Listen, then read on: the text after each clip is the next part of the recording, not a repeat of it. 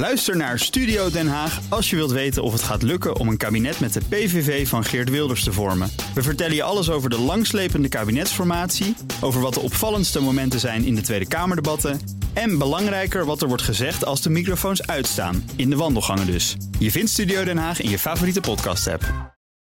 De nieuwe wereld is mede mogelijk gemaakt door Economie en Bedrijfskunde van de Universiteit van Amsterdam. BNR Nieuwsradio. De nieuwe wereld. Annette van Soest. Steeds vaker wordt kunstmatige intelligentie ingezet bij het oplossen van complexe vraagstukken. Kunnen we zelflerende algoritmes ook loslaten op de hoge inflatie en de vermogenskloof tussen arm en rijk, of bij het tegengaan van zoiets groots als klimaatverandering? In deze aflevering van De Nieuwe Wereld ontmoet ik de bedenker van de AI-econoom. Ga ik op zoek naar de mogelijkheden en beperkingen van artificial intelligence bij het maken van economisch beleid. En stel ik de vraag: wat als we economen vervangen door kunstmatige intelligentie? Onze economie is te complex geworden voor economen en daarom moeten we gebruik maken van kunstmatige intelligentie om economisch beleid te sturen. Dat vindt Stefan Zeng. Hij is Lead Research Scientist bij Salesforce in Amerika. Zeng is een paar dagen in Nederland en ik heb met hem afgesproken om meer te weten te komen over zijn project De AI-econoom. Ja, wij als onderzoeksteam richten wij ons op hele grote en complexe economische vraagstukken waarbij AI een hele belangrijke rol wil spelen. En AI-econoom is een raamwerk om economie te simuleren met heel veel AI-spelers erin. En daarbij vergelijken we heel veel scenario's, miljoenen scenario's. Daarbij kijken we de langer, de dieper de toekomst in. Wat zijn AI-spelers? Dat zijn consumenten, dat kunnen bedrijven zijn, dat, kunnen, dat kan de overheid zijn. En op basis van die simulaties gaan we dan beter beleid formuleren en laten we zien dat we een betere uitkomst kunnen bieden aan de samenleving. Op welke terreinen is die AI-econoom allemaal actief? Het kijkt naar de productiviteit en eerlijkheid bijvoorbeeld en belastingstelsels. Dus wij hebben laten zien dat je meer productiviteit en meer eerlijkheid kunt krijgen. En nu zijn we ook bezig met klimaatverandering. Ja, Stefan Zeng zei het al. De AI-econoom ontwikkelde een eerlijk belastingmodel dat het verschil tussen arm en rijk kleiner maakt. Een stelsel dat vooralsnog alleen in theorie goed werkt, want in de praktijk wordt het nog nergens toegepast. Ja, dus we simuleren een economie en we vragen de AI om heel veel scenario's te gaan vergelijken. Nou, hoeveel mensen werken en hoeveel geld ze verdienen. En we lieten zien dat door al die scenario's te gaan vergelijken, vindt de AI een manier om uh, de armsten in de samenleving te subsidiëren. En ook tegelijkertijd de belastingen zo aan te passen dat toch iedereen zoveel mogelijk wil werken.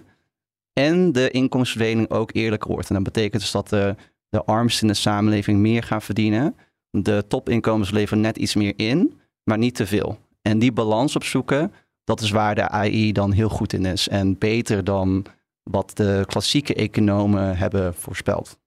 Jij vindt ook uh, dat onze economie eigenlijk te ingewikkeld is geworden hè, voor uh, gewoon economen van uh, vlees en bloed. en dat AI veel beter menselijk gedrag kan voorspellen dan de mens. Moet je toch even uitleggen? Ja, als je naar de economie kijkt, Bijvoorbeeld Nederland heeft 17,5 miljoen mensen die elke dag werken en bezig zijn met, met, met hun leven.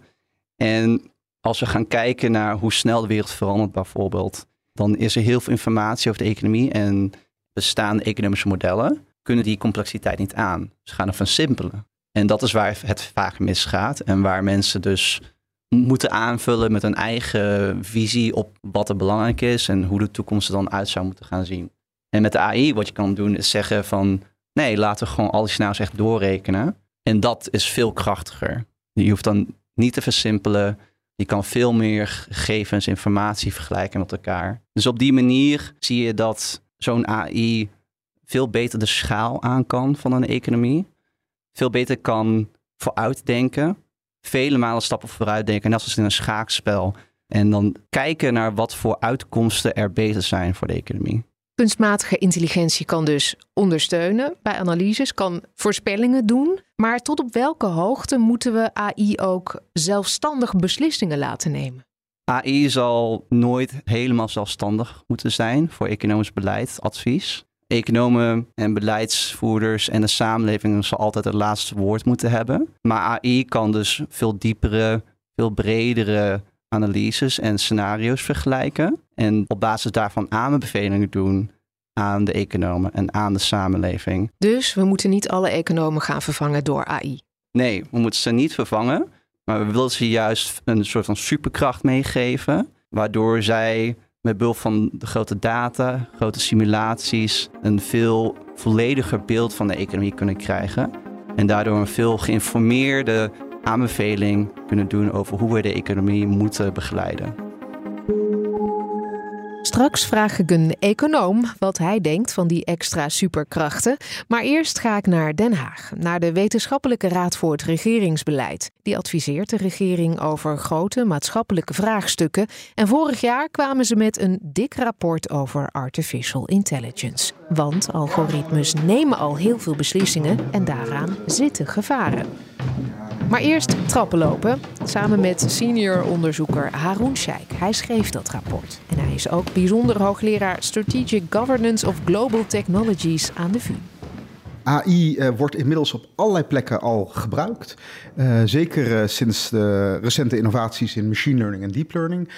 Uh, AI is ontzettend goed in patroonherkenning. Uh, het kan sinds een aantal jaren inmiddels heel goed beeldherkenning doen. Denk dus bijvoorbeeld aan je gezicht herkennen op een plaatje op sociale media. Uh, het herkennen van allerlei afbeeldingen, video's. Maar ook spraakherkenning. Neem bijvoorbeeld Siri of Alexa, van die systemen met waar we mee kunnen praten. Er is hoop dat AI kan bijdragen ook aan duurzaamheidsopgaven door een veel efficiënter gebruik van grondstoffen en minder afval te produceren. Maar denk bijvoorbeeld ook aan de medische diagnostiek.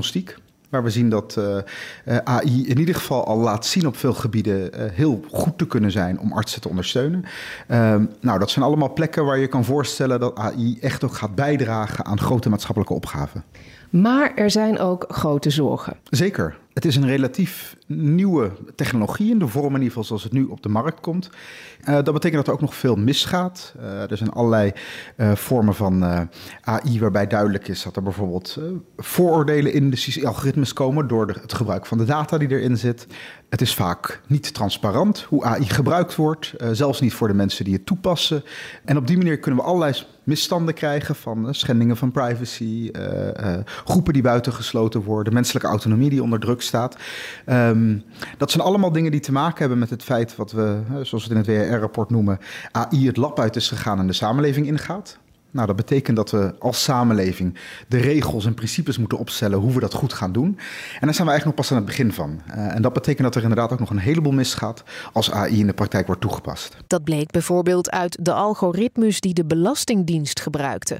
Die discrimineerden op inkomen en op nationaliteit. Huishoudens met een laag inkomen en tweede nationaliteit kregen een hogere risicoscore en werden dus vaker verdacht van fraude met de kinderopvangtoeslag. Waarbij uh, niet één zeer geavanceerde algoritmes uh, gebruikt zijn, maar toch al wel dat je ziet dat uh, algoritmes gebruikt worden om patronen te herkennen, dat daarop gestuurd wordt door de overheid, waardoor echt groepen buitengesloten worden en echt letterlijk in het gedrang komen.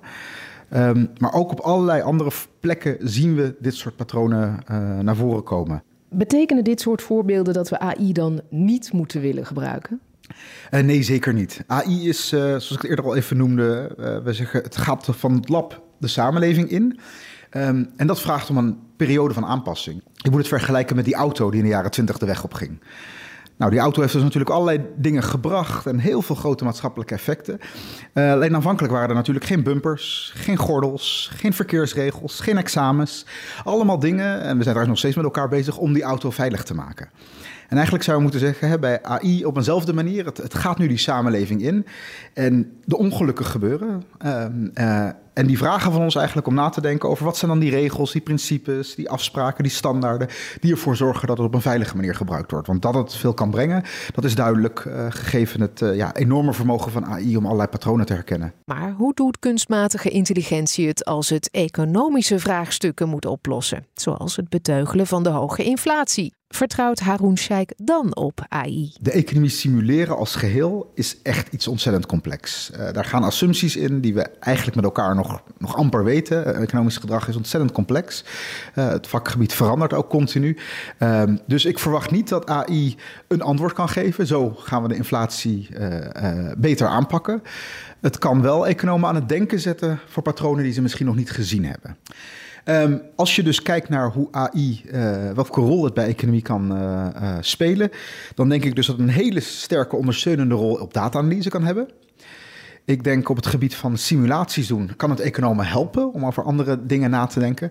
Maar er is nog een derde component en daar zie ik AI veel minder een rol in spelen. En dat is namelijk dat elke wetenschap ook theorievorming heeft, hypothesevorming, conceptontwikkeling. Um, er is een aantal jaar geleden een, uh, een paper geschreven door uh, Chris Anderson, The End of Theory. En hij betoogde eigenlijk, we kunnen de wetenschap straks zonder theorie. He, psychologen probeerden heel lang te begrijpen wat er in uh, mijn hoofd en jouw hoofd omging. Google probeert, zegt alleen maar van nou, als je dit koopt, dan koop je ook dat. En we hebben geen theorie nodig. Ik kan voorspellen wat jij morgen gaat doen, zonder theorie. Nou, dat geldt misschien als je dat soort basale dingen wil doen misschien bekijken wat mijn volgende aankoop is. Maar als je uiteindelijk kijkt naar de voortgang van wetenschap, dan ontstond dat vaak altijd door ook het ontwikkelen van nieuwe concepten en theorieën die je niet in de data ziet. dat een wetenschapper naar de ruimte kijkt en een concept als zwaartekracht ontwikkelt, dat zit niet zelf in de data. Dat is een theorie die je over een heleboel data legt en waardoor je anders naar die werkelijkheid kan gaan kijken. Nou, AI, zeker de huidige AI, zit heel erg op dat domein van die data-analyse. Maar een theorie, een groot concept waarmee je iets in een nieuw licht kan begrijpen. En dat, is, dat hebben we tot nu toe in de geschiedenis van de economie heel veel gehad. Hè. Een nieuw fenomeen, stagflatie in de jaren 70 vroeg een ander soort paradigma, andere soort theorieën, omdat we nog nooit gezien hadden dat dat zo kon plaatsvinden. Um, ook in de toekomst zullen we dat soort theorievorming nodig hebben. En dat zullen mensen toch echt moeten doen. Nou, economen kunnen gerust ademhalen dus. Ze worden niet vervangen door uh, eh, AI. Ik denk dat deze dreiging inderdaad niet de economen uh, onder druk zal zetten. Ook econoom Arnoud Boot, hoogleraar Corporate Finance en Financiële Markten aan de UvA, maakt zich geen zorgen over zijn baan. Kijk, het is een geweldig hulpmiddel. Hè? Eh, informatietechnologie in het algemeen is natuurlijk een geweldig hulpmiddel. Maar eh, hoe zelflerend het ook mag zijn, hoe superieur het er ook maar uitzien, het moet op het eind van de dag een hulpmiddel blijven. En als dat niet het geval is, dan krijg je ongelukken die zich op een gegeven moment gaan corrigeren. Uh, want die gaan zich natuurlijk weer corrigeren, want menselijk ras uh, even aanneemt dat blijft bestaan. Zal dat moeten corrigeren? Uh, dus dan zit je in een hele andere wereld. Ja. Welke taken die jij nu uitvoert, zou een algoritme niet kunnen overnemen? Nou, kijk, een algoritme en een zelflerend algoritme, want dat is dan eigenlijk wat, je, wat, mm -hmm. wat, wat kunstmatige intelligentie is. Het, het, is een hulpmiddel, dus wij gebruiken al hulpmiddelen op allerlei manieren. Als ik even wil weten van wat er is er op dat gebied eigenlijk gezegd, en ik typ een paar woorden in in Google op een goede manier in, dan krijg ik allerlei gezichtspunten. En dat is gebruik van informatietechnologie. De volgende keer dat ik dat doe, eh, krijg ik een, een aanbod wat nog meer toegespitst is op schijnbaar mijn behoeftes. Want in de tussentijd heeft hij gezien dat ik nog meer dingen heb, uh, heb gevraagd. Dat heeft hij onthouden. Dus voor mij is het een principaal en hulpmiddel. En uh, op het moment dat je dan iets concreets zegt, iets concreets, bijvoorbeeld economische voorspellingen, ja, dat is heel concreet, hè? economische voorspellingen. En voor economische voorspellingen gebruiken wij vaak modellen. Modellen hebben hun beperkingen. Die hebben eh, in zekere zin door informatietechnologie hadden die al wat minder beperkingen. Want we konden ze groter maken. We konden ze ook een klein beetje zelflerend maken, potentieel. Ja, als je veel pintransacties zag, dat zou je theoretisch in dat model kunnen stoppen. Dat dat iets anders betekent dan als je weinig pintransacties ziet. Dus je zou hem eh, daarop kunnen laten sturen. Ja? Eh, maar dat model, dat moet geïnterpreteerd worden. Dat model blijft een, uh, blijft een soort abstractie van de werkelijkheid. Ook met kunstmatige intelligentie. Je zult het moeten interpreteren. Kunstmatige intelligentie kan het deels zelf gaan interpreteren, maar uiteindelijk blijft er een soort judgment ergens. Er blijft een beoordelingsvermogen over. En uh, ik denk niet dat je het buitenspel kunt zetten. De bedenker van de AI-econoom die ik sprak, die wil economen ook helemaal niet overbodig maken. Maar hij zegt wel, AI kan de economie op een veel diepere laag simuleren dan bestaande economische modellen. Hij zegt, Die bestaande modellen die kunnen de complexiteit van de economie niet aan en gaan versimpelen. En daar gaat het vaak mis. AI hoeft niet te versimpelen en kan alle scenario's doorrekenen. Dus je kan veel meer gegevens en veel meer informatie vergelijken met elkaar. En dat is een veel betere manier om onderzoek te doen. Op zich is het nuttig, buitengewoon nuttig. Maar nog steeds neemt het het woord model veel te serieus. Wat uit het model komt, is niet de, is niet de uitkomst, is het begin van het nadenken. Wat is het grote voordeel van de modellen die economen gebruiken? Is dat ze binnen die context van het model snappen wat er speelt. Want het is versimpeling. Je weet dus ook wat er niet in zit. Maar En- waarom stop je het er niet gewoon in? Dan weet je toch nog meer? Ja, je kunt er blijven instoppen wa- wa- wat je wil. Maar op een gegeven moment, dat betekent dus ook meer dat je het niet meer kunt interpreteren. Want je maakt het model groter en groter, meer en meer variabelen. Je kunt het dus niet meer interpreteren. Eh, eh, Een model moet juist relatief simpel zijn, omdat dan binnen die simpele wereld weet je wat naar jouw gevoel ook de cruciale afwegingen zijn. Die stop je in het model. Ja? Eh, dat model geeft je dan bepaalde uitkomsten. Je weet wat er niet in het model zit, maar nu heb je in ieder geval een benchmark om te zien hoe dit, deze factor die niet in het model zit, van invloed zou zijn op die, op die uitkomsten. Dus het geeft je een anker. En nu zie je meteen het probleem van kunstmatige intelligentie. Je bouwt een geweldig ingewikkeld model met heel veel lagen, want je kunt eronder allerlei gedragsaspecten Ja, nu ja. opeens meenemen. Je kunt dat model op allerlei momenten koppelen aan data aan eh, zelfs actuele data. Real, eh, dus real-time real-time data, wat we natuurlijk als in wezen eh, als economen eigenlijk zelden doen. Ja, die Het klinkt eigenlijk als een droom voor de econoom. Maar Ja, nou ja, aan de ene kant is het dus. Het heeft voordelen, als, want je, je, je krijgt er iets uit. En dat is zich interessant wat je eruit krijgt. Maar nu begint het. Het model was een soort houvast, een anker, een benchmark. Om de werkelijkheid beter te begrijpen. Maar begrijp je het model dan nog? Want die artificial intelligence, dat kunstmatige intelligentie, die heeft allerlei afwegingen gemaakt. En ik weet niet meer welke afwegingen hij gemaakt heeft. Dus, dus het, het neemt het idee van een model eigenlijk te serieus. Maar tegelijkertijd, en dat is de andere kant van het verhaal, en dat is de positieve kant. Je kunt dus nu een soort simulatie doen van de economie, die wij nooit konden doen omdat je zoveel lagen erin kunt bouwen, reacties, je kunt het model bijna op zichzelf laten reageren. Je kunt bijna het ook combineren met een communicatiestrategie. Want je kunt misschien ook de werkelijkheid naar je hand zetten. Door te communiceren van, van wat, eh, wat jij vindt. En daar gaan mensen op reageren. En dat heeft weer invloed op die modeluitkomst. ja, dus je, kunt, je kunt eigenlijk ook al berekenen wat de effecten zijn van bepaald beleid. En je kunt gedrag bekijken. Ja, En niet alleen bekijken, je kunt het dus ook en, sturen. En sturen, alles en nog wat. Ja. Ehm, maak je eigenlijk zelf al gebruik van kunstmatige intelligentie in je werk? Kijk, eh, ja, in je werk voeg je nu, aan toe. Ja, als econoom. Al, al- als econoom. Ik, onbewust doen we het natuurlijk allemaal. Onbewust. Want allerlei data waar wij naar kijken, die, die komen uit algoritmes. Dus allerlei data zijn gedeeltelijk bepaald door algoritmes waar we niet eens weten welke, welke Geef eens een algoritme. voorbeeld. Kijk, als er, als er sentimentsindex worden gerapporteerd. Vertrouwenscijfers. Vertrouwens, je cijfers. Nou ja, artificial intelligence. Een algoritme stelt je in staat om een vertrouwenscijfer te maken. wat gebaseerd is op veel meer factoren.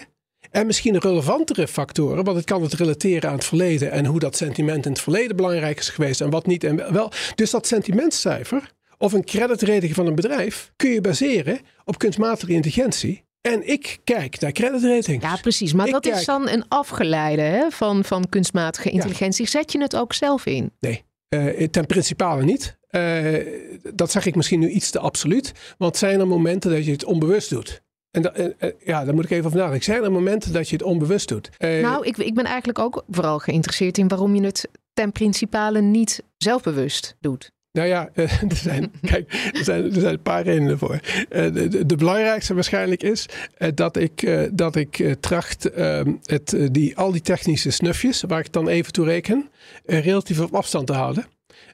Want als ik, als ik één ding zie in de huidige omgeving met toenemende informatietechnologie, is dat het ongelooflijke mogelijkheden heeft, maar ook ongelooflijk afleidt. Je bent bang dat het je afleidt. Het zal ongetwijfeld afleiden. Wat ik er eigenlijk meeneem uit ons gesprek, toch vooral, is dat je als econoom verbanden moet leggen. Dat je daar ook een zekere afstand voor moet betrachten. Ruimte, rust in je hoofd. Absoluut. Absoluut. En, en dus de technologie, dus ook kunstmatige intelligentie, moet zien als een hulpmiddel. En op het moment dat het geen hulpmiddel meer is, ja, ik ben pessimistisch over eh, of we dan nog echt begrijpen, echt dingen begrijpen. Ik zie daar ook een van de grote risico's van kunstmatige intelligentie. We zien het nu al. Modellen worden zo serieus genomen.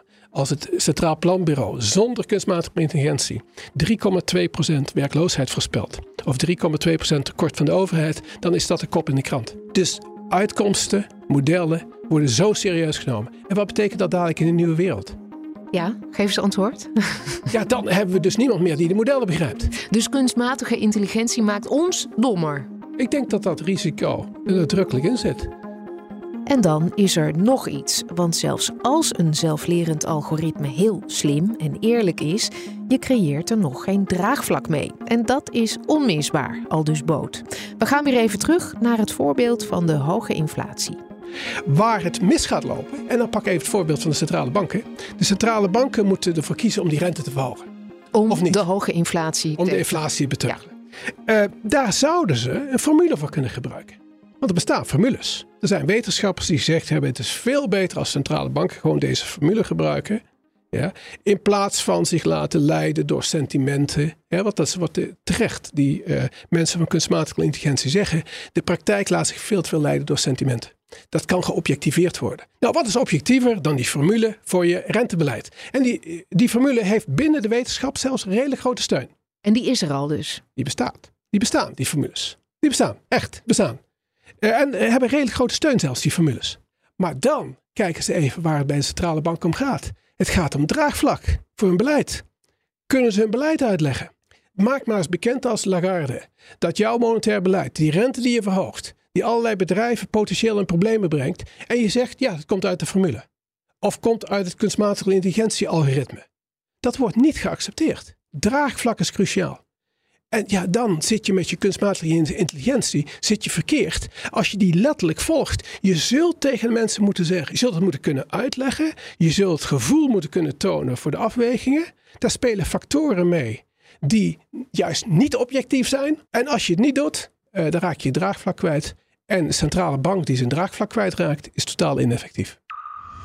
Tot zover de nieuwe wereld. Volgende week dinsdag zijn we er weer. Of luister wanneer je wil in je podcast-app. De nieuwe wereld is mede mogelijk gemaakt door Economie en Bedrijfskunde van de Universiteit van Amsterdam. Bij BNR ben je altijd als eerste op de hoogte van het laatste nieuws. Luister dagelijks live via internet. Bas van Werven. En heel langzaam komt de zon op rond dit tijdstip. Je krijgt inzicht in de dag die komt op BNR, het Binnenhof in Nederland en de rest van de wereld. De Ochtendspits. Voor de beste start van je werkdag. Blijf scherp en mis niets.